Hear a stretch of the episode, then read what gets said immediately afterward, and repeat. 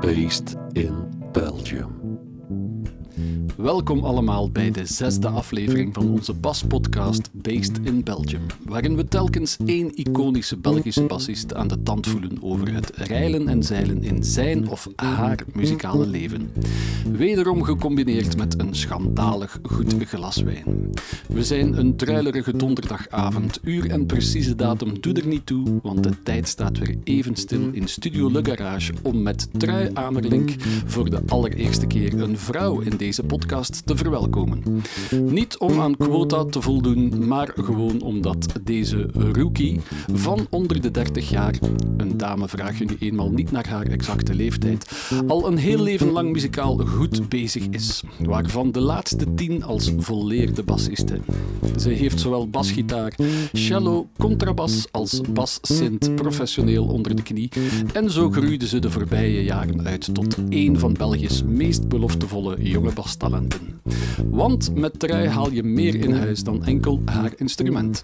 Ze is een werkpaard gebleken dat steeds beide schouders onder elk project zet om ook achter de schermen het maximum uit elke opportuniteit te halen. Het is dan ook geen wonder dat zowat de halve indie popscene hier beroep op haar doet. Van de ondertussen zelfs internationaal scorende Tsar B over Ivy Falls en onthoud deze naam voor de toekomstige belpopgeschiedenis Rosa Bootsy.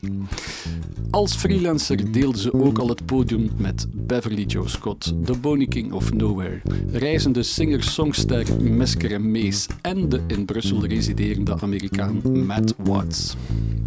Zelfs haar klassieke roots praktiseert ze tot op de dag van vandaag nog als vaste celliste van Another String Quartet.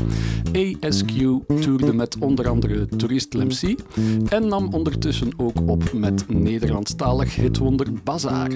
Tel daar nog bij dat Trui ondertussen als docent aan de Gentse kunsthumaniora MUDA andere jonge talenten mee voorbereidt op de professionele wereld en dan weten we dat deze bass lady moeiteloos haar plekje in de o zo mannelijke muziekwereld verdient. Duw haar eender welk instrument in de handen en het klinkt Trui Amerlink. Trui, eindelijk een vrouw. Yeah. In deze zesde episode al, hè, terwijl dat de verhouding mannen-vrouwen in de muziekwereld waarschijnlijk zeker geen 1 op 6 is. Nee, zeker niet. Is er meer nood aan vrouwen in de Belgische muziekscene? Het zal wel. Er is altijd meer nood aan vrouwen, vind ik. In elke sector eigenlijk een beetje. Hè. Ik denk uh, dat, Mhm. dat er altijd nog wat meer vrouwen mogen uh, opstaan en ervoor gaan of zo. Ja, ja, ja. En is dat in, in de muziekscene moeilijker dan, dan in pakweg een andere sector? Of denkt u dat eigenlijk algemeen het vrouw zijn dat er nog veel werk aan de winkel is om... Ja, dat is zo wel een topic waar ik zo wel uh, kan op gaan eigenlijk. Maar dat is... Uh, Ga maar, het is, het is uw show, ga maar. Yeah, even de feminist. Nee, nee, uh, maar dat is gewoon, ja... En, uh, als een vrouw speciaal is in een sector, dan is dat direct een ding, bijvoorbeeld. Bijvoorbeeld metsers. Als er een vrouw staat te metsen, ja. is dat direct wauw, het is een vrouw. Ja. Als er een vrouw, camion, een camionchauffeur, is dat direct wauw, een vrouw. En dat is ook zeker zo in muziek. Mm -hmm. En op zich, ja, we kunnen daar niet aan doen, want dat is gewoon hoe dat is. Het is niet, uh, inderdaad, we moeten niet aan quota voldoen, dat er opeens veel meer vrouwen in, in, de muziek moeten zijn, omdat het evenredig moet zijn. Maar het is wel een ding, je zijt speciaal, zonder dat je dat eigenlijk wilt. Ah. Is zo... Ja, dat is, dat is zo'n een discussie dat ik ook gewoon vaak, heel vaak heb met mannen, dat ik zoiets heb van... Ja. Voor jullie lijkt het altijd zo van... Ja, moet je daar uh, toch niet zo, zo hard aan tillen? Of trekt je dat je toch niet zo aan? En gebruikt dat als je voordeel. Maar dat ik zo denk, ja... Ik wil ja. dat helemaal niet, dat het een, een voordeel moet zijn. Ik wil gewoon gelijk zijn als mm -hmm. u. En dat is denk ik heel moeilijk als man om dat, om dat te verstaan, omdat je dat gewoon zelf niet meemaakt. Mm -hmm. ik heb daar, allee, we hebben het daar heel vaak over met mijn vrouwelijke collega's, dat dat zo precies een ding is dat wij altijd zo van, oh wauw, hij is speciaal, of oh, zo stoer, of ja, dat wordt altijd benoemd, terwijl dat gaat nooit benoemd worden als hij een man bent en na een concert gaan ze nooit zeggen van, oh, zo tof een man op podium. Eigenlijk ja. wel, ja. ja, dat is, ja, juist. En dat is heel vaak, ja, dat, dat, dat er zo mensen na, achter het concert zo naar mij komen, dat, ja. dat is echt 90% van de keren is het...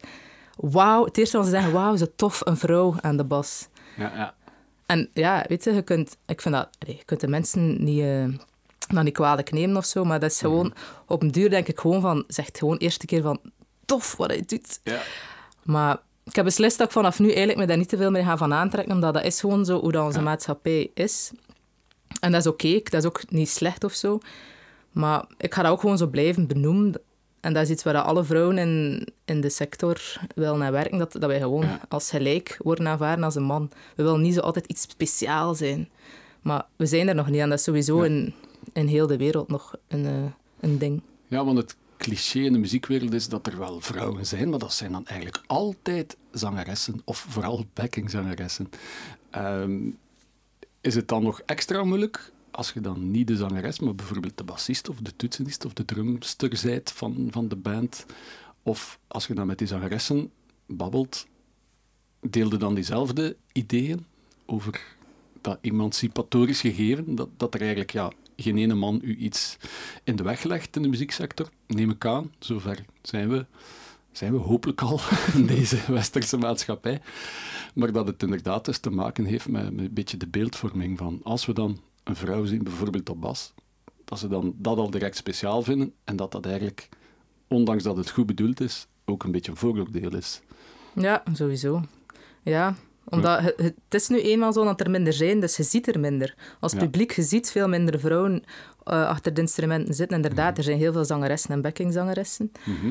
Ehm, maar bij de instrumentalisten is dat, is dat vaak gewoon, je bent gewoon in de minderheid. Dus als de allee, mensen, als ze dan naar een concert gaan, die, de normale mensen gaan niet zot veel naar concerten, dus je gaat ook niet alle muzikanten zien. Ja, ja, ja. Dus ehm, ja, dat is wel, je bent gewoon speciaal. En je wilt dat gewoon niet altijd of zo. Terwijl dat jij gewoon wilt van, ja, maar ik sta er liefst omdat ik goed bevonden word. Ja, omdat ik minstens sowieso. even goed ben als die andere mannelijke collega's op het podium. Sowieso. Ja. Ik, ik merk dat soms wel dat... Allee, alle mannen gaan dat misschien ook wel ontkennen of zo, maar dat is ook, dat als er een vrouw gevraagd wordt in de band, is dat heel Mhm. vaak omdat dat een vrouw is, dan ze dat leuk vinden. Ik heb al een paar keer een project gehad dat, die, Ja, dat ja. een bandleider dan echt zo zei van ja, maar dat is ook zo tof. Allee, je bent een vrouw. Allee, maar je speelt ook goed, hè? Maar dat is zo... Ja, ja. Ik moet dat dan ze denken van oké, okay, het is je voordeel, het is je voordeel. Ja. Maar There's more where that came from. Ja, ik vind dat gewoon jammer. Maar het is dan, het is dan ook wel Ja. omgekeerd dat keer geweest dat daar totaal niet over is gegaan. Dat ik dus denk, ah, oké. Dat is de eerste keer Ja. dat dat gebeurd is. Of Maar het is 90% van de keren is het wel gewoon niet. Ja, ja. eh, eh, soms ook omgekeerde discriminatie. hè. Ik herinner mij dat ik ooit eens niet kon meedoen in een of andere Elvis-show. En ik had jou gebeld om te vervangen. Mhm. En ik dacht van, die gaat dat super doen. Die speelt ook contrabas en elektrisch. En toen kwam het bericht van de productie van... Ja, maar Elvis heeft nooit een vrouwelijke bassiste gehad, dus Trui mag dat niet komen doen. Ja. Dat dat, was eigenlijk, hè? dat was eigenlijk van, eer- van de eerste keren dat ik zoiets... Dat dat, echt dat dat binnenkwam. Ja. Dat ik zo dacht, wow, ik had dat nog nooit gehad. Ik was ook nog aan het studeren toen en ik was, ik had mij daar nooit, ik was daar nooit bij stilgestaan dat ik een vrouw was in die sector en dat dat een ding was. En toen, ik weet nog dat hij mij belde, ik was echt in shock. Ik was echt zo, wat blief? Maar we zijn, ik weet niet hoe, dat was. Ik dacht, we zijn 2017 of zo. Ik zei, dat kan toch niet meer? Maar ja, blijkbaar wel, ja. Ja, ja, ja. Maar kijk, ehm, als we één op zes in deze podcast iedere keer een, eh, een vrouw uitnodigen, dan zetten we toch al eh, met Based in Belgium een stap richting ideale wereld. Dus eh, daar moeten we op drinken, denk ik. First things first, trui.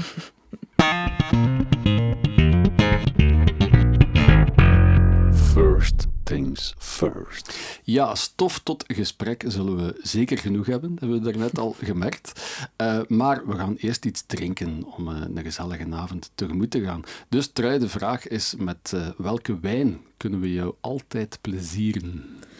Wel, in, eh, als ik 18 was, was ik echt een, een witte wijndrinker. Mhm. Maar ik denk dat ik daar te veel op ben gegaan in de studententijd. En ik, wel, ik kan dat niet meer, ik vind Op dat niet meer zo lekker. witte wijn waarschijnlijk. Waarschijnlijk, ja. dat is waar. Dus ik weet niet, witte wijn is voor mij zo al... Ah nee, dat drink ik niet meer. In de zomer ga ik wel echt voor rosé, maar in, in de winter is het echt rode wijn. En hoe zwaarder, hoe thea- theatraalder, hoe beter. Alright, een diva rode wijn, als het ware. Gewoon een zware wijn. It's gotta have bottom. ja, ja, ja. Ah ja, net zoals de bas Ja, eigenlijk. voilà, Ja, ja. Dus we zoeken een uh, rode wijn voor Trui Amerlink, uh, die nogal veel body en diepgang mag hebben. Uh, ik ben heel benieuwd, dus wat zit er in de baar, Bernard? Een AOP of AOC La Clap. Dat is de meest recente herkomstbenaming uit het zuiden van Frankrijk. Mm -hmm. Sinds 2015 pas. Er zijn er amper drie coöperatieven en 25 wijndomeinen.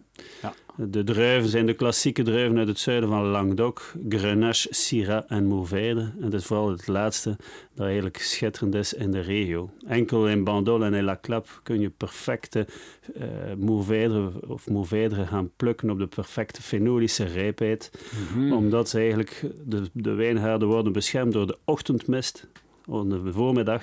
Door de mist. En, door de mist. En in de namiddag kan het de zon zijn werk doen. En dan hebben we de fotosynthese gaat volop in zijn gang.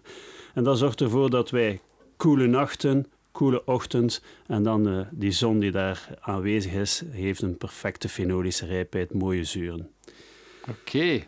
We zitten op een ondergrond met hoofdzakelijk kalk en zandsteen, met dikke keien. Ja. Uh, we zijn bij Château d'Angles. Een domein, uh, de, de, eigenaar noemt Eric Fabre. Dat is geen onbekende bij de grote Bordeaux. Die man heeft tien jaar technisch directeur geweest van Lafitte Rothschild. Heel gekende kasteel in, wow. uh, in, Bordeaux. nu, het is geen Lafitte Rothschild die fles hebben, maar het is wel iemand die wijn kan maken. We ja. zitten met iets heel krachtigs. Het is een wijn die intens kersenrood, qua kleur, uh, een zeer schone kruidigheid. We hebben zo die aroma's van verse bramen. We hebben een tikje van die, ik weet niet of je dat kunt herkennen, een tikje van die verse olijf zo. Uh, als je dat kunt inbeelden. Ah, okay. Zoiets vegetaal, maar heel zacht, heel aangenaam. Uh, dus we, uh, het is ook heel duidelijk dat we in een warme regio zijn. Dat was een beetje de bedoeling, iets, iets krachtig, iets vol, iets met bepaalde alcohol. Maar ja. dankzij die mooie zuren is dat perfect weer mooi uitgebalanceerd. Dus het is, ja. het is niet storend, maar gevoel wel dat die wijn zon had heeft. En in de mond ook. Hè. We zitten hier met een jaargang 2019. Dat is eigenlijk de jonge versie van ja. Château. We hebben een hele sappige aanzet met heel veel fruit, rode en, en, zwarte bessen. Iets dat heel speels is, maar toch krachtig genoeg. En die tannines zijn perfect mooi verweven. Zelfs voor zo'n jonge wijn zijn die, die heel zacht. Ja, ja. Dus een wijn die perfect zal passen met alles wat uh, gegrild is. Met grillades, gegrild wit vlees, gegrild rood vlees, met lam met fijne charcuterie, zo die goede, doorsmakende charcuterie. Ja. uh, kruidige visschotels ook, maar eerder zo van die stoofschoteltjes zo met, met, met, met uh, krachtige vis. Uh, tagines, heel lekker met tagines. Okay. En de Italiaanse keuken gaat daar zeker ook bij passen door die sappigheid die er zijn, die mooie zuren die aanwezig zijn voor alles wat dat getomateerd is. is dat zeker, zeker die pittige Italiaanse ja. gerechten. Bij charcuterie voilà. moet ik ook uh, een beetje denken aan de andere Fabre, de kunstenaar. maar ik hoop niet dat deze wijn bij uh, rotte hesp moet nee. passen, natuurlijk. Nee, nee, nee, Wel gerijpt vlees, maar niet rot, liefst niet. Oké. Okay. Bernard, een vraag die we stilaan krijgen van, van luisteraars van de podcast, die denken soms van, ja, dat klinkt allemaal heel chic. Is dat ook altijd dure wijn die hier besproken wordt? Uh, deze fles bijvoorbeeld, zit dat in de duurdere nee, prijsklasse? Deze fles vind ik persoonlijk een, een, een, ongelooflijk mooi. Nu, ik ga dat zeggen over al mijn wijnen, maar dit is een wijn aan, van, aan 10,50 euro. Dus het is zeker wow. geen dure wijn. Het is een prijs-kwaliteitsverhouding, is dat schitterend. Absoluut. Dat is wat Erik Fabre wou. Hij wou Bordeaux verlaten, hij wou naar een regio gaan waar dat steeds mooi weer is, wat elk jaar een groot jaar is. En een wijn die toegankelijk is qua prijs ook. Ja, uh, ja, ja. En de voor, uh, de voor uh, sessies hadden wij, of podcasts hadden wij, die Pinot Grigio was een wijn van rond de 15. We hadden daar Le. Grappio, was wel een indrukwekkende Chardonnay. Ja. Maar gezien de kwaliteit gezien, de, de, de, de, de, de, het grootste van die Chardonnay. Heel rijk, vol, uh, heel lang bewaarpotentieel, met een mooie sappigheid. Ja. 20 euro. Uh, is misschien veel geld voor een Chardonnay, maar als je dat gaat vergelijken met de grote Bourgondische mm -hmm. wijnen in dezelfde stijl, is dat eigenlijk heel, ja, een, ja. een hele schappelijke prijs. Wauw, ja, ik zie... Uh... Trui Amerlink als jonge, beginnende bassiste met een portemonnee die soms misschien een beetje minder doorspekt is als de ervaren muzikanten, toch al glimlachen dat het uh, waarschijnlijk wel in orde komt met deze wijn. Dus we moeten hem gaan proeven, denk ik. Bedankt, Bernard. Graag gedaan. 10 euro en een half. Dus is dat haalbaar, trui, voor uw Zeg, breinen? Maar zo ervan uitgaan dat ik eh, zo'n arme sukkel ben. I'm a rich bitch. Nee, Het is waar, corona voor iedereen. Hè? Nee, nee, dat is waar, dat is waar. Eh 10 euro en een half, nee, dat vind ik eh, eigenlijk zeer, niet zeer goedkoop, maar ik vind dat goedkoop voor zo- ja, voor zo'n goede wijn, denk ik dan. Oké, dan schenken we hem gelijk in. Komt-ie. Komt die dan? Het is gewoon geluid, hè. Ja. het is goed, het is goed. Die kuip is hier al bijna helemaal vol. De avond is nog jong. Voilà. Oké, ik ga ervoor gaan, hè. Trui, ga ervoor. Ik Proef ga op en, zoek, eh, eh, ik ga op zoek gaan naar die olijf. Ja. Hmm. Ja. Dat is heftig. Dat gaat door heel uw mond. Genoeg bottom? Ja, ja. Tot van achter op je tong. Nu mijn hemelte. Ja, We krijgen hier een routebeschrijving. Ja, het is een routebeschrijving. En nu zitten we ongeveer ja, in de keel. Ja. Nee, vrij lekker. Het is, En, en wat laat het achter? Blijft de olijf over op het einde? Ik heb ze niet gevonden. Maar ehm, ja, het is lukt zo wel. Ik zie zo nu de mist opgaan. Omdat, allee, zo de, de mist, hoe noem je dat, verdwijnen. Mhm. Dat zie ik nu wel voor mij. Ja, komt helemaal binnen. Het is echt zo een beetje zuurig op, op je hemelte. Ja. Heel je tong voelt zo echt die een alcohol. ja, je kunt er blijkbaar echt van genieten hè, van, van wijn, als ik het u hoor beschrijven. Ja, ja, ja het is, zal wel. Is wijn een beetje zoals muziek, echt puur erin duiken en ten volle genieten? Of is dat met alles zo in het leven voor u? Dat is voor alles zo eigenlijk bij mij. Dat is Ja? niet enkel wijn. Nee, al- ik- als ik eh, in iets duik, dan, dan duik ik diep, ja, sowieso. Ja, want het is wel waar dat je eigenlijk op deze korte tijd dat je eigenlijk professioneel bast, in mijn ogen wel voor bekend staat. En zoals dat ik in de introductie ook zei, van, eh, je krijgt niet alleen het instrument en het basje mee, maar ook de, de brainpower en, en, de, en, en, en de marketing en hoe dat je het project moet ontwikkelen en hoe dat je het muzikaal eh, moet gaan produceren en doen klinken. Ik denk dat dat wel een, een, een sterkte is voor jou als bassist. Zijn u daar bewust van? Of is dat gewoon echt, waardig als kind al iemand die gewoon... Het was alles of niks. Dat was als kind ook al zo. Het was alles of niets. Ja, ik denk, ik weet ook nog... Allee, dat was dan eerst op school, in mijn eerste leerjaar, mijn eerste rapport. Ik had 98 procent en ik heb een week zitten wenen omdat ik geen 100 had. En mijn mama was super kwaad, want die zei, ja, die zei heel de tijd, Trui, dat is een supergoed rapport. En ik, ik wou 100, ik wou 100. Dus ja, maar dat is, dat is afgezak, afgezwakt hoor, dat is geen probleem. Maar ja, ik denk als ik iets doe, dan wil ik het altijd supergoed doen. En soms lukt dat niet en dan is dat heel ambetant. Ik probeer altijd gewoon het beste eruit te halen, maar inderdaad, ik combineer wel veel en dan weet ik soms dat ik wel moet zorgen dat ik niet tegen vier muren aanloop. Maar Ja. ik wil het gewoon echt altijd proberen. Zo, zo de kantjes ervan aflopen van tot, tot hoe ver kan ik gaan Ja, ja. om het allemaal geregeld te krijgen of zo. Ja, ja. Zou dat te kun- kunnen te maken hebben met, met uw ehm, Zuidoost-Vlaamse dorpsroots? Om niet te zeggen het eh, gevreesde dorp Zulte. Want eh, het hoge woord is gevallen. Trui en ik zijn allebei afkomstig uit Zulte. Je zoekt dat niet zijn aan ons accent om Nee. hier een podcast eh in aan te presenteren. Maar Trui kan ook geweldig goed Zults. Allee, Trui, laat dat een keer gaan. Oei, maar dat is, West, West mee. Ja, dat gaat. Maar ik kan eigenlijk niet zo goed Zults. Want als mijn papa dat nu horen, gaat hij zeggen... "Trui, Maar dat is ja. geen Zults. Maar ja, hou. Graf een keer dieper, laat een keer gaan. Gewoon een keer diepe, eh? Ga een keer dieper, voilà. Ja, ja, de, het grensgeval. Ja. Ik ben voor, voor heel Vlaanderen ben ik eigenlijk een West-Vlaamse. Dan, dan roep ik altijd super theatraal. Maar ik ben van Oost-Vlaanderen. Maar ik, ik moet daarvan afstappen. Want ja, ik ben altijd naar school geweest in West-Vlaanderen. Muziekschool, gewone school, Ja. alles in, in, in Waregem. Dat is vijf minuten verder. Ja, en sinds de voetbal denkt iedereen dat Zulte bij Waregem hoort. Maar niets is minder, Minder waar. waar. Trui en ik zullen het nog eens samen zeggen. Zulte, Zulte is, Oost-Vlaanderen. Vlaanderen. en Waregem is West-Vlaanderen. Voilà. Dat is. Nee, maar eh, Zulte is ook zo'n typisch katholiek dorp. Ja. Allee, ik ben eigenlijk ook een beetje zo gekweekt. Niet alleen door mijn ouders, maar door de streek eigenlijk. Hè, van, je moet het beste doen. Ja. En als er iets niet goed is, moet je dat nog beter doen. En als je inderdaad 98% hebt, moet je focussen op die 2% die niet gelukt zijn. dus ik, ik vermoed dat dat toch wel een beetje met die, die noeste Vlaamse katholieke mentaliteit te maken heeft. Ehm, Ja, dat kan. ja, Daar nog niet over nagedacht, eigenlijk. ja. Maar kijk, ehm, met deze Zultse zever, hè, het hoge woord is er toch uit, het dorp Zulte, kunnen we naadloos overgaan naar eh, uw roots. Want eh, terwijl we aan het drinken zijn, by the way, in Zulte, daar kennen ze wel iets van drinken. Hè. Zal wel. Ik weet niet wat dat uw ervaringen er zijn, maar eh, ik heb daar toch schabouwelijke herinneringen aan. Het knep, in, het, in de kelder van het knip. Wat jeugdhuis. ja. Maar dat is eh, allemaal veel te veel inside information die ons veel te ver gaat leiden. Dus eh, voilà, over naar de roots van Trui Amerlink.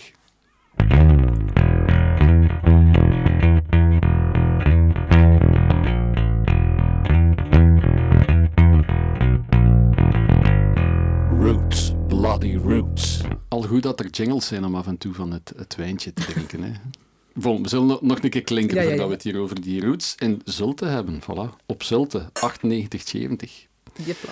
Nu, in dit item ga ik meestal terug eh, met de basgast van het moment waarop dat ik die persoon voor het eerste keer gezien of gehoord heb.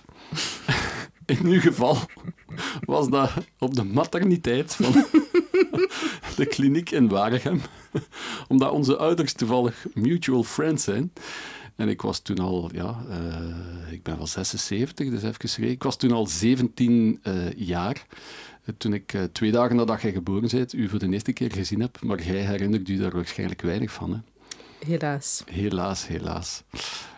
Maar je was toen al een zalig kind. En wie had er kunnen denken ja, dat je later ook bassist ging worden? Ja. Hetzelfde wat dat ik doe. En alle twee uit dat nest Zulte gekropen. Dat is toch eigenlijk iets wonderlijks.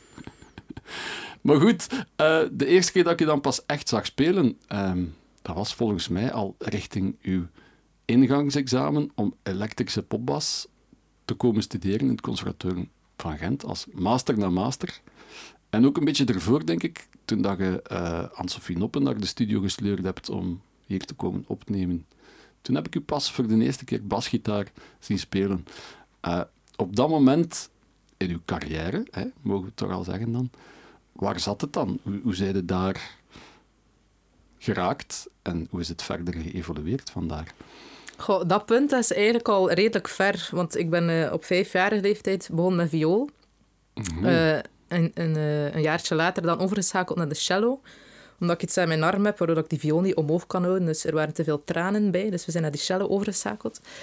Ehm, en dan, ja, toen dat ik dertien was, al- hoorde ik voor het eerst een contrabas. En ik had er een Ja. keer op gespeeld. En dat was direct, ja, liefde op het eerste gezicht. Gewoon zo die lage trilling die zo door je, door je lijf gaan. Ik was echt zo van, wow, wat was dat? Dus dan ook contrabasles erbij. Je voelde gevolgd. op die leeftijd al het verschil in trilling tussen Ja, de cello en de contrabas, Ja, wat dat het mij deed. Ja, want zeker die contrabas die staat echt tegen je lijf en dat zijn die lage basklanken. Ik weet nog dat ik dat echt, dat was een, ik vond dat een super zot moment. Zo. Dat was op, op een muziekkamp. Zo die leerkracht die zo een keer die bas in mijn hand duwde. En dat ik zo dacht, wow. En in Ja. september direct in de academie me ingeschreven voor het tweede instrument contrabas. Eh, maar dat was dan zo allemaal klassiek. Mhm. En dan heb ik een keer een... eh, ik, ik deed altijd de, de lemon stages in de paasvakantie mee met mijn broer. Want mijn broer die, die was fervent organist en die ging dan naar die stages en dan ook ik mee. Hij is nog altijd fervent organist, Ja, is- professioneel. Die is dat eigenlijk wel, ja, Ja. dat is waar. Geweldige Sorry. muzikant, hè? Gert Amerling. Gert Amerlijk, voilà. Ja. Ehm, en dan op die stage konden we dan zo kiezen voor, voor keuzevak jazz. En dacht ik, oh ja, waarom een keer niet? Dan moest ik een keer niet, geen orkest doen of geen kamermuziek. En dan zo, ja, er is in een bal aan het rollen geweest. Ik, ja, ik... eh, Het was eigenlijk een negatieve keuze, van dan moet ik een keer niet klassiek doen, ik zal niet Ja. iets... Maar hadden ervoor al over jazz gehoord, of Nee. wist je wat dat was? Nee. nee, ik, ik had echt geen idee. Allee, Ja. nee, ik had eigenlijk echt geen idee. Want ja, thuis staat er ook altijd klassieke muziek op. Dus ja, jazz... Ik wist dat niet. Ik wist echt niet wat dat was. En dan, ja, in die ene week werden er, ja, is er van, van alles naar mijn kop gesmeten. Zo die diatonische reeks, al die, die modi, akkoordsymbolen. En ik Ja, was zo ja, ja. overweldigd dat ik dacht, wow, dat is veel. Maar ik vond dat wel de max, omdat je mocht loskomen van je partituur en je mocht zelf dingen maken. En ik was ja, direct echt helemaal verkocht. En dan de september daarop heb ik mij ook nog een keer in het muziekschool ingeschreven voor eh, de jazzafdeling. Dus dan was ik cello klassiek aan het doen, bas klassiek en bas jazz. Onder het motto, als ik ergens in duik, ja, duik ik er diepe, helemaal diepe in. Hou maar een keer diepe, ja. Dus ja, en dan, dan, is dat, ja, dan is dat helemaal begonnen. Ben ik zo de, de dorpstages begin meedoen in de vakantie, de Halenwijnstages. Ehm ja, veel...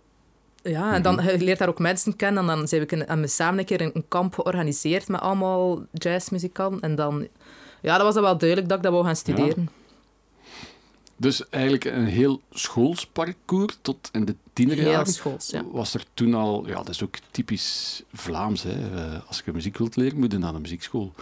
Eh, muziek is precies iets dat niet eh, spontaan in een familie kan ontstaan. Dat moet gestudeerd worden. Zo zijn wij opgevoed. Wanneer kwamen dan de eerste spontane muzische escapades?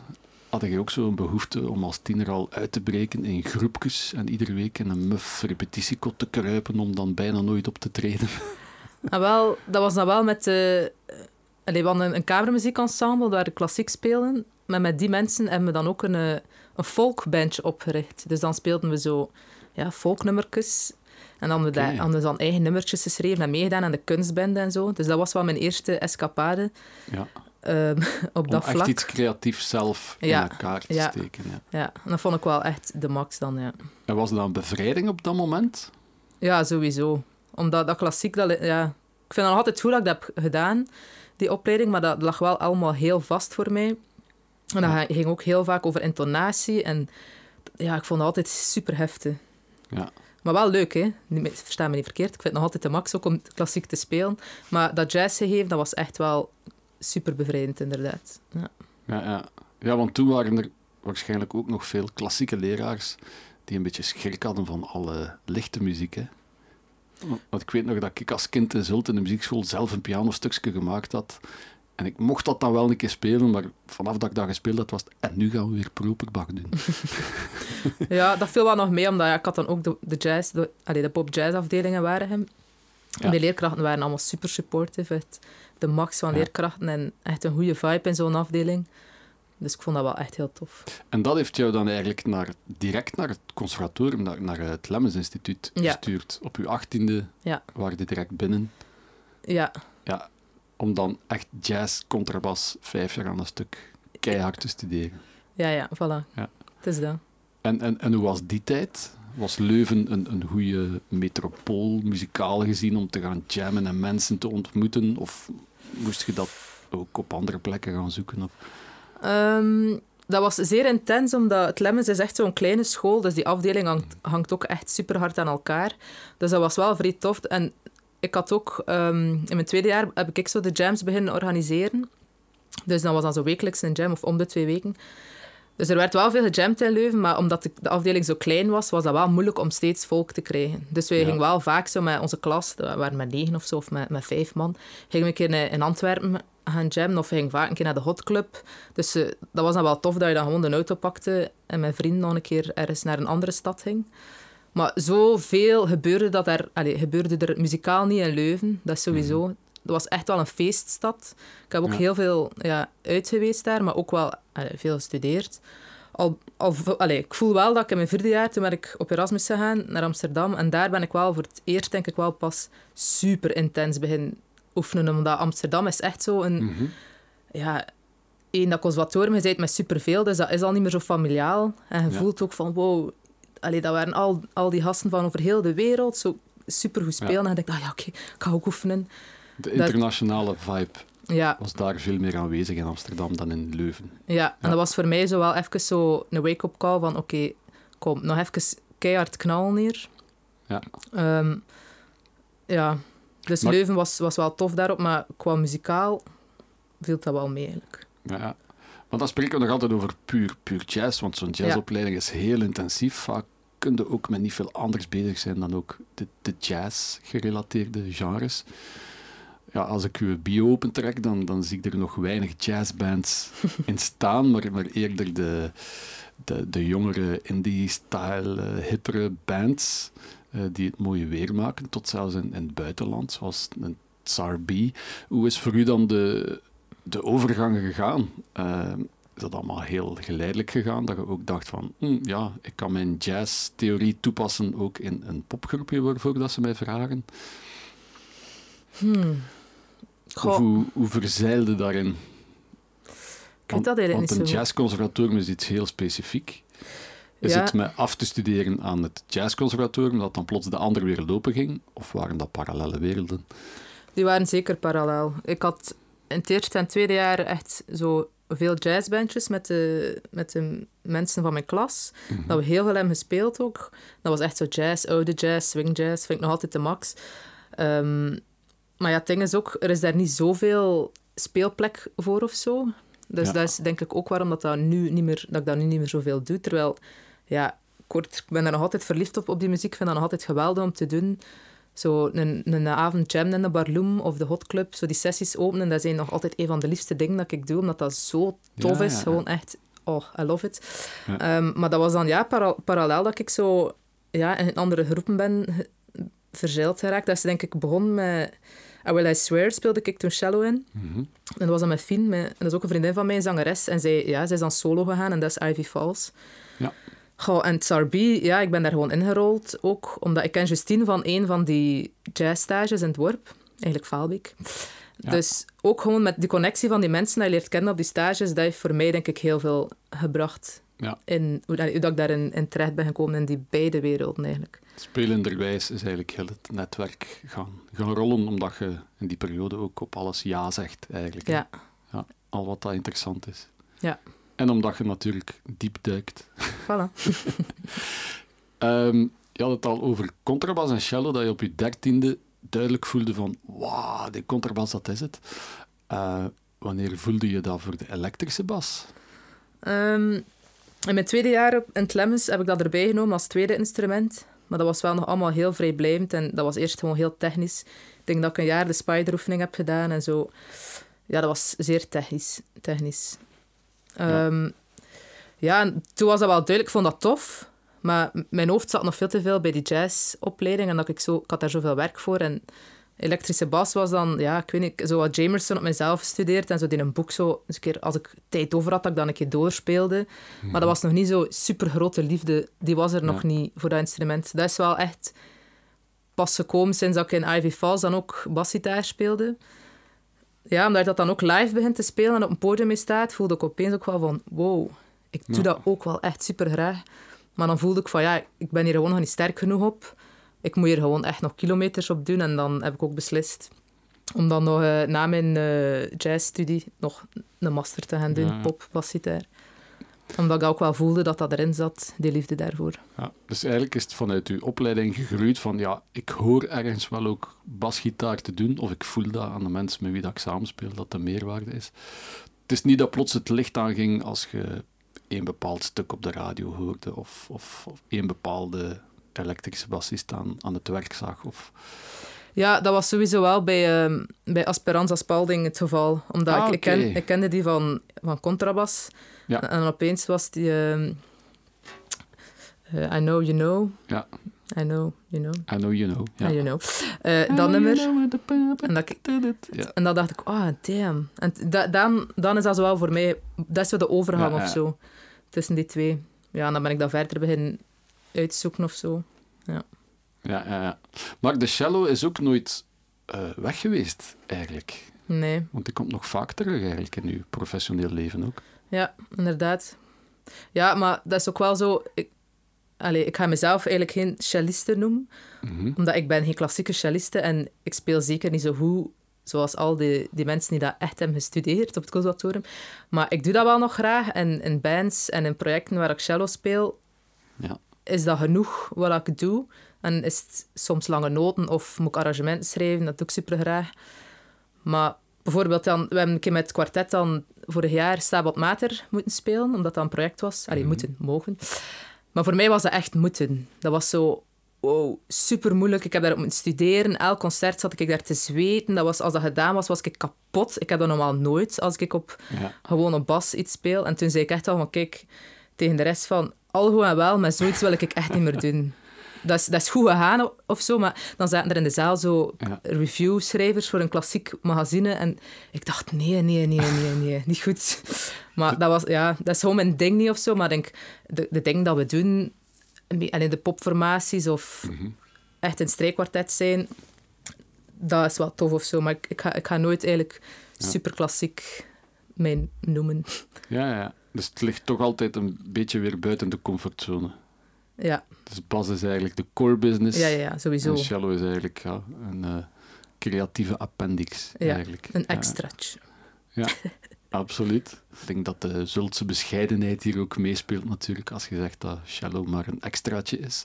Het is natuurlijk een enorm goed palet, waar dat weinig mensen qua profiel aan voldoen, in België ook. Hè. Ik denk dat voornamelijk Jeff Assi daarvoor bekend Mhm. staat. Ja, Which reminds me dat ik hem ook zeker nog moet uitnodigen Ja, voor deze podcast. ik, ja Geweldige dus, bassist ook. ik zeer goede cellist.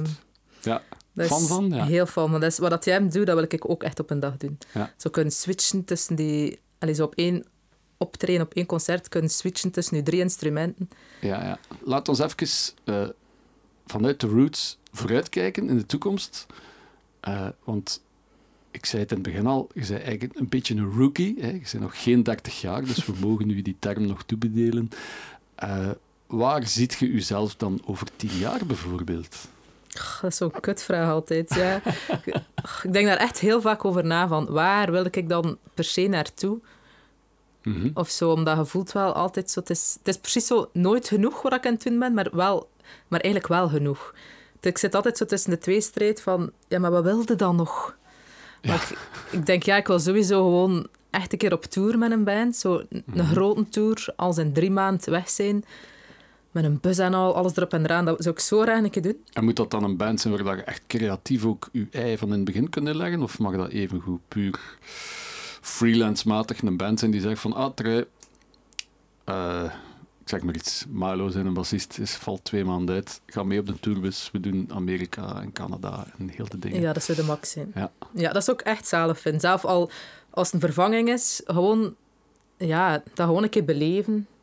Ik wil Ja. dat gewoon doen, want ik denk dat hoe meer dat de tijd nu vooruit gaat, hoe moeilijker dat, dat gaat worden, dat dat nog gaat gebeuren.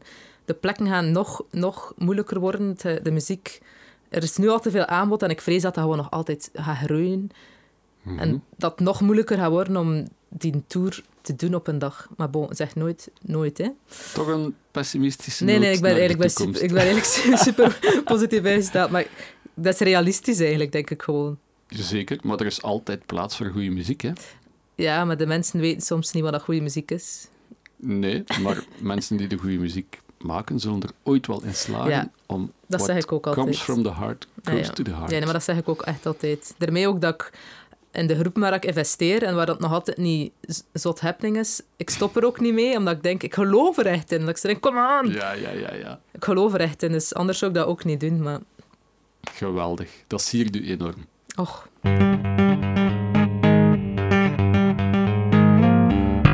Oh my god.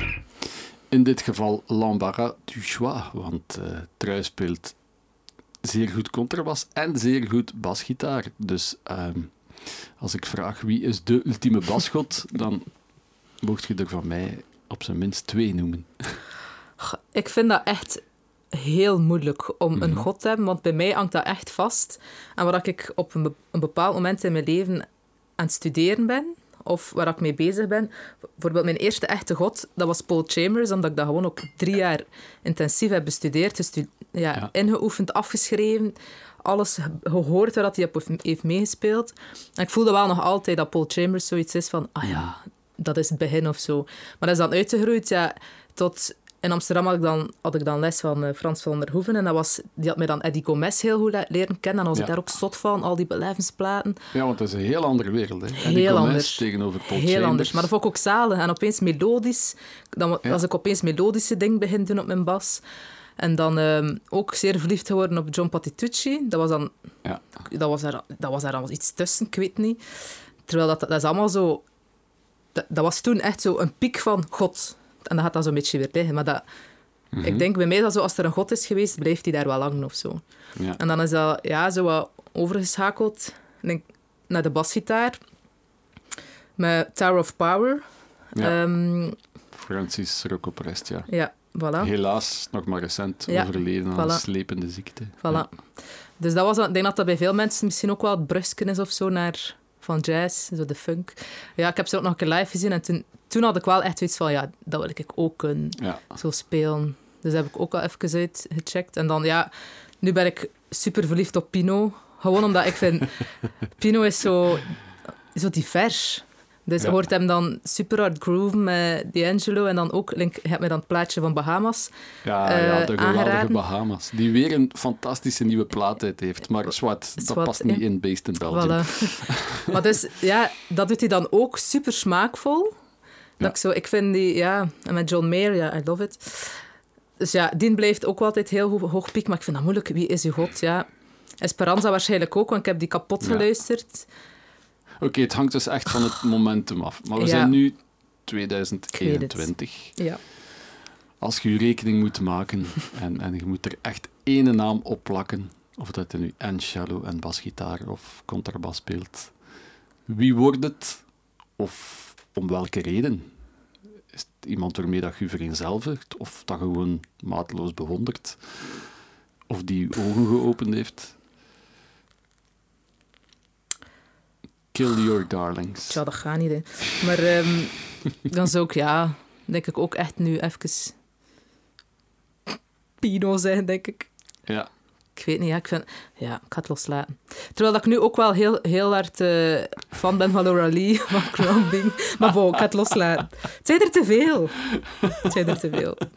er zijn te veel bassisten. Ja. Goeie. Och, en Trui. Amerlink komt nu ook nog haar plek op eisen in deze wereld. Er is geen plek voor mij. In wat voor Ah. een wereld leven wij eigenlijk? Vreselijk.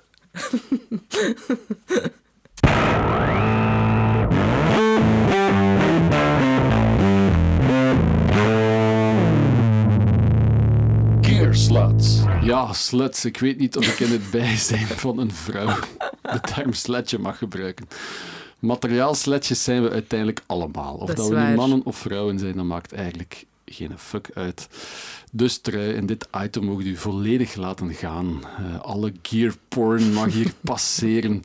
Ehm, ja, contrabas, dat is meestal één instrument, de Holy Grail. Hè. En als je daar content van bent, dan blijf je bij die bas. Basgitaren, daar heb je er meestal meer dan eentje van. Wa- Wat is een beetje uw, uw manier van kiezen als het over instrumenten gaat? Echt. Goh, Ja, Waar echt. baseerde jij op? Wat, wat moet een ideale bas hebben? Of dat nu een contrabas is of een basgitaar? Tja, dat is bij, denk dat iedereen zal denken als het vastpakt dat je gewoon echt verliefd moet worden. Bi- Binnen de minuut? Of, of Ja, ja, is dat een verhouding die moet groeien? Nee, nee. Binnen de 10 seconden moet dat zijn bij mij. Love at first sight. Ja. Bijvoorbeeld, ja, deze. Ja. Je hebt nu eh, Precision, Precision. van 1963, dacht ik. 65. 65. Maar het is wel een L-serie. Dus door Leo Fender himself nog Ja. in elkaar gevezen. Maar eh gerefinished. Ja. Hij was ooit donkerder rood. Ja, ja. Eh, ja, dat was bij deze wel echt zo die hals waar ik direct verliefd op werd. Ik twijfelde dan wel even, inderdaad, omdat misschien de prijs wat hoger lag. Mhm. Maar ehm, ja, als je er verliefd op bent, dan ben je er verliefd op. Ehm, ik heb ook een, eh, een, een Mustang Bass waar ik ook echt binnen de vijf seconden verliefd op was. Ja. Eh, dat was ook heel heftig. En kun je beschrijven wat dat er dan chemisch, hormonaal met u gebeurt als je die bas vastpakt en iets hebt van, ja, dit is het. En bij anderen, oef, hier voel ik niks. Ja, als ik dat vastpak en binnen vijf seconden, als ik mij daarmee op een podium zie staan en dat voel, Mhm. dan weet ik van, het is, het is zover. Oei, ben verliefd. Ja, Zo, als ik dat vast heb, dan denk ik, ik wil hiermee optreden. Klinkt goed, zalen. ja. Ja, ik weet niet. Ja, ik weet niet wat dat komt. Ja, het is, het is, ik heb het dan nog me- meer muzikanten proberen vragen, omdat ik zelf eigenlijk niet op die vraag kan antwoorden. Het is moeilijk te, te omschrijven. Maar ja, waarom zei jij samen met u, madame, en iemand anders met een andere madame? Ja, dan wordt hij verliefd op iemand. Hè. Waarom is dat? Dat weet je niet. Toch? Ja, ja, en uiterlijk is niet belangrijk en zo. Hè. Ja, dat is, eh, Nee, ik vind van niet. Maar wat ik me afvraag, het is geen seksistische vraag, maar let een vrouwelijke muzikant dan meer ook op het visuele aspect van het instrument? Denk je van, want als je aan een vrouw vraagt welke auto heb je gekocht, dan antwoordt ze meestal een blauwe of een rode. Terwijl dan de man meestal heel technisch gaat uitleggen van ik heb dat type en met zoveel cilinders. Dat is een vooroordeel, ik zeg altijd, ik heb een Renault. Oké, ja, ja. Dus dan kan ik zeker met recht en reden aan u vragen van, Ja, speelt bij u de visuele factor mee bij een Nee. instrument? want ik vind dit kleur eigenlijk echt niet mooi. ja, allee, ik, vind, ik vind het schoon, maar dat is dan wel een ding, wat Mhm. dan misschien het vrouwelijk gegeven is, maar ik vind dat heel moeilijk om mijn outfit daarop af te stellen. Ik denk daarover na, ja, dat Ah, wel, dat soort dingen, daar zou ik al niet over nadenken. Van, ga mijn hemd of mijn kostuumvest of whatever passen bij de kleur van die bas? Ja, dus ik heb dat wel moeten loslaten, want bij dat rood past er heel veel niet. Als in, ja, dat is gewoon zwart. Past. Ja, ik vind dat moeilijk rood. Maar nee, uiterlijk kijk ik daar eigenlijk niet naar. Bij mij is het echt klank. Ja. Bij mijn Mustang-bas heb ik chance dat die echt prachtig is. Het is echt een parel. Sunburst, hè? Ja, Ja. met zo'n blinkende slagplaat. Ja. Dan ben ik wel extra blij als die heel mooi is, maar het is geen must dat een prachtig ding is. Oké, genoeg over kleuren, want Ja. ik ben zelf aan het afhaken. Ehm, bij een contrabas, ja, heb je dan ook die love at first sight? Dan moet je die trilling voelen waarschijnlijk, echt denk ik, hè? die vibraties van die klankkast. Ja, dat was ook inderdaad wel de Love at First Sight. En uw eerste bas is nog altijd uw bas nu. Ja, Oké. Ja, want het is eigenlijk grappig, want ik ben vandaag gaan testen, een andere bas.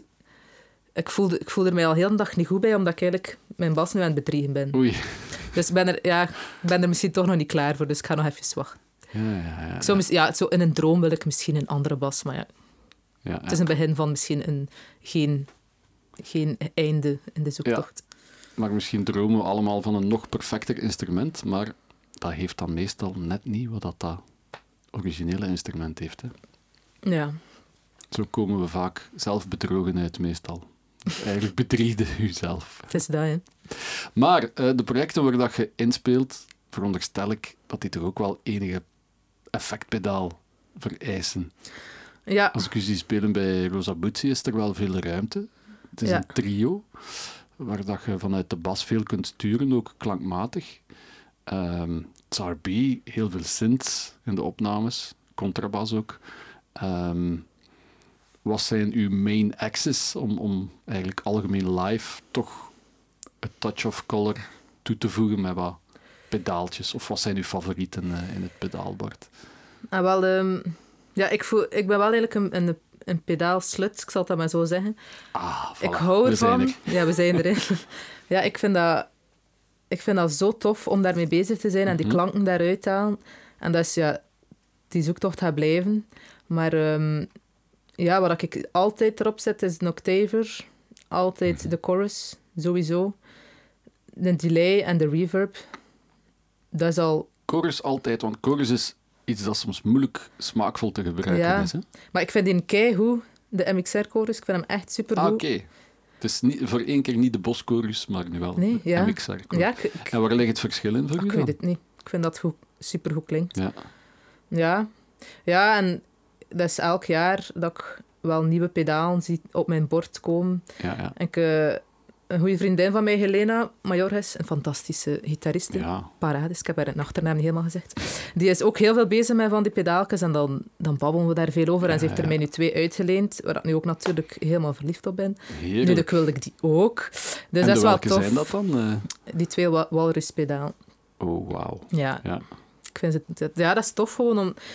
Dat is altijd zo een ontdekking, die pedaal. Ja. En dat is altijd, ja... En like bijvoorbeeld bij, bij Rosa Buzzi is dat tof inderdaad, omdat ik veel ruimte heb. Dus ik heb daar ook ruimte voor om die pedaal te gebruiken. Maar in andere bands is er dan volledig geen ruimte voor Ja. pedaal. Ja, en bij het Sarbi is het vooral... ehm, ja, mijn contrabas gaat door die pedaal, dat is wel waar. Maar dat is dan vaak voor een reverb erop te zetten en Ja. een octaver. Ja, contrabas en pedaal, want niet evident. hè? Niet evident, nee, want, want... je moet altijd met de pick-up sound werken dan. Ja. Ja, en het is de laatste tijd ook zo wat moeilijk, omdat zo aan het feed, f- feedbackt of zo. Het is een beetje Mhm. moeilijk. Het is, eh, het is nog wat zoeken met die contrabas. Maar eh, ja, en daar is het ook met Moog. De, ja. De bassint gaat De ook bassint. mee. Ja, ja, dat is een must. Dat is 70% van de nummer. De Little Fatty? Nee, nee? de sub 37. Ah, is sub 37. Ja. En wat is er voor u zo goed aan de, de Moog bass synthesizers? Ja, dat gaat gewoon door merg en been. Hè. Als je dat door een, een front hoort met dikke subs. Ja. Ho, ho, ho. Daar kan geen basgitaar over. Hè? Nee. Nee, Nee. want dat heb ik al vaak geprobeerd om, om met, met baspedaal dat na te doen. Dat je dan een basgitaar eh, eh, en door al die dingen jaagt, maar dat blijft niet... Ja, dat wordt geen mook. Sowieso niet. Want soms denk ik dan, van, ik ga ze gewoon op basgitaar doen, want dan moet ik dat spel niet meesleuren. Ja. Maar ja, het komt er altijd op neer dat ik het toch moet meesleuren.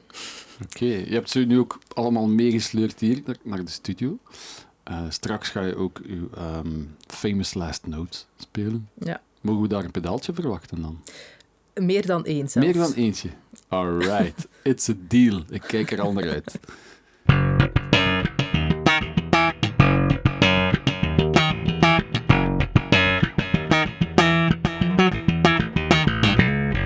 At. De jonge mensen die er aankomen. Daar zit je eigenlijk ook nog voor een stuk bij, maar ook weer niet. Want je geeft al les op de Kunstenmaniora in Gent. Dus dagelijks worden we geconfronteerd met jonge leeuwen die staan te vechten om ook een plekje te veroveren. Wat is uw gouden raad dan om die gasten op het goede spoor te zetten?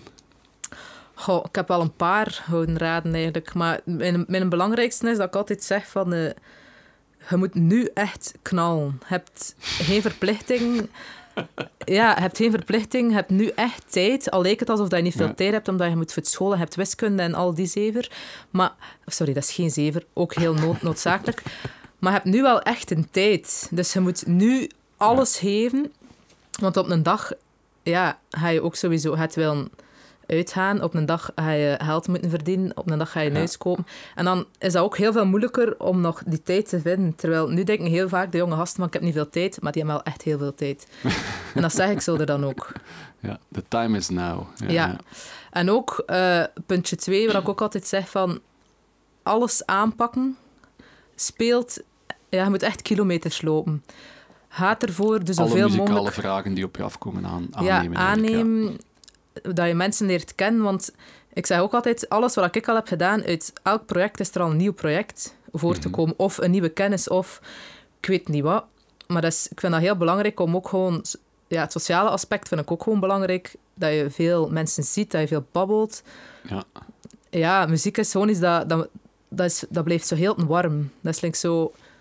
Nee, dat is een slechte vergelijking, maar ik kan zeggen, dat is like een boiler die heel warm is. We gaan dat knippen. maar ja, ik weet niet, ik vind muziek het blijft altijd zo... Je moet dat... Ja, ik weet niet. Dat is altijd warm. Dat is altijd, Het is altijd aanwezig. Hè. Je kunt het is het altijd niet, eh, aanwezig. Je kunt het niet aan en afzetten eigenlijk. Nee. Ja. Een boiler. Ben het verbouwen, ze. Lotengieterij voor beginners met Trui Amerlink. U krijgt het gratis mee.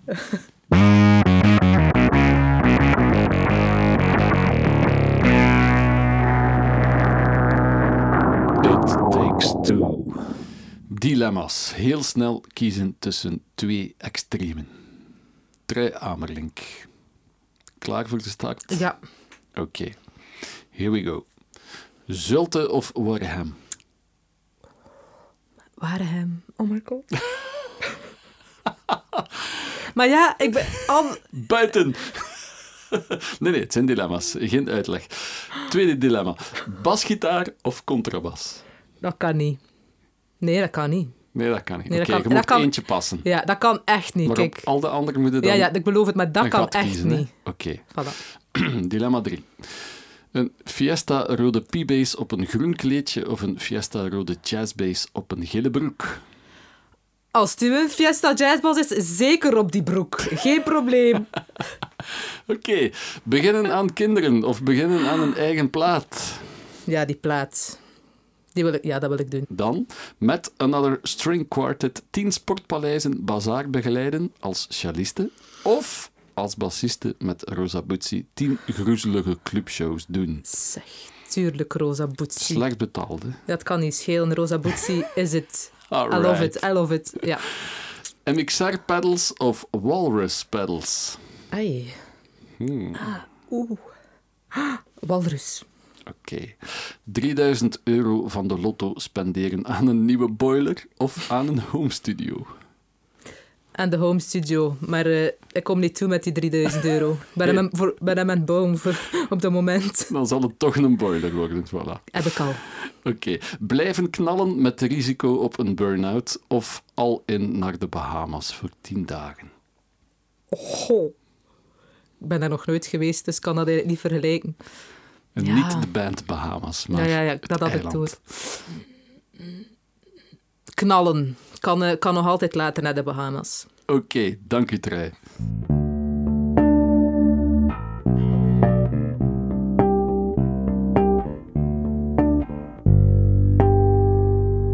Famous Last Notes. Trui, wat zou er nog uit uw favoriete instrument komen als je wist dat je nog vijf minuten te leven had? Ah, wel, ik heb daar even over nagedacht. Mhm. En uh, ik dacht, als ik zou weten dat ik nog vijf minuten te leven had, zou ik echt zo in rust en in alle rust wel kunnen afscheid nemen van de wereld. En daar Mhm. heb ik eigenlijk uh, mij op gebaseerd om een, uh, een stuk te maken met mijn geliefde pedaal.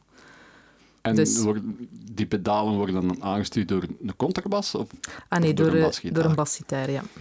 Oké, dus door de Precision uit 65. Door Leo zelf Ja. in elkaar gewezen. Dat is niet zo belangrijk, maar bo, hè? Oké, Nee, nee, inderdaad, ja. Dus eh, ik ben gewoon gegaan voor klank, voor sound. Even gewoon de trip, dat, de overgang van het, van het leven naar het hiernamaals. Dat is het idee erachter. Het zijn niet, niet de, de snelste noten, niet heftigste, niet funkyste, maar echt zo het einde. Uitdoven. Alright. Dat is een originele benadering. Het is de eerste keer dat we iemand hebben die de, de overgang naar de dood eigenlijk muzikaal wil maken. Ja. Ja, geweldig. Ik ben heel benieuwd om u, eh, ja, niet om u te zien sterven, maar om uw muzikaal dergelijk proces te zien eh, verklanken eigenlijk. Heeft het stuk ook een naam dan? Want het is iets van uzelf, neem ik aan. Ja, het is een, eh, een improvisatie met een paar dingen vastgelegd. Maar ehm, ik zou het, als ik het moet een naam geven, uitdoofje noemen. Uit Doofje. Oké, dan komt dat zo op het eh, YouTube-kanaal van Echt? In Belgium. uit Oké. Doofje. Trui eh, Amerlink Place uit, Doofje. Uitdoofje. Oh, mooi.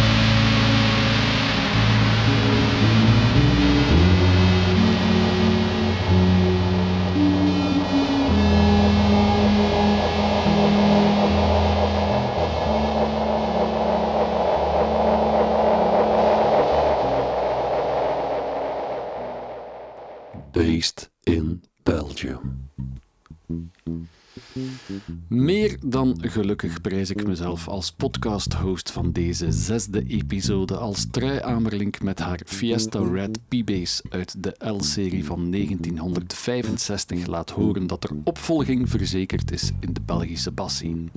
Check zeker ook ons YouTube-kanaal Based in Belgium als je de song die Trui daarnet inspeelde wil horen en zien. Meer achtergrond bij de wijn die we daarnet uitschonken vind je steeds op de site vitis.vin. Dankzij Trui Amerlink weten we nu dat de keuze tussen basgitaar en contrabas hartverscheurend is.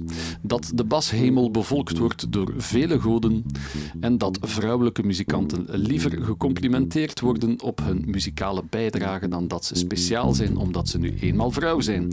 Ook al hebben ze nagedacht over welke outfit bij welke bas past.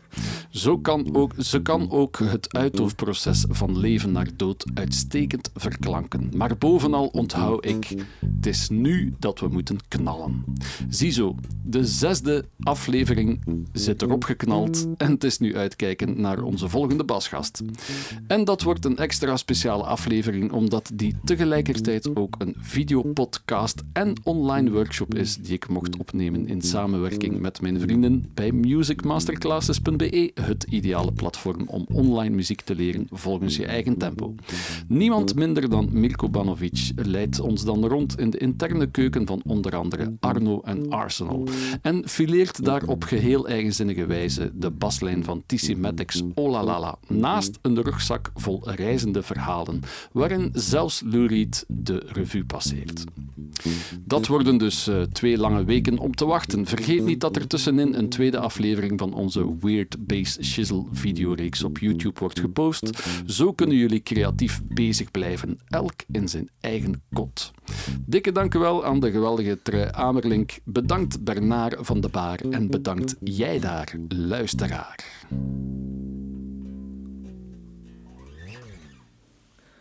Knallen. Yeah!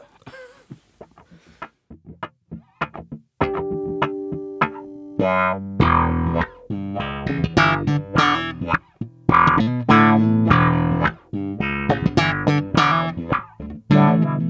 based in Belgium.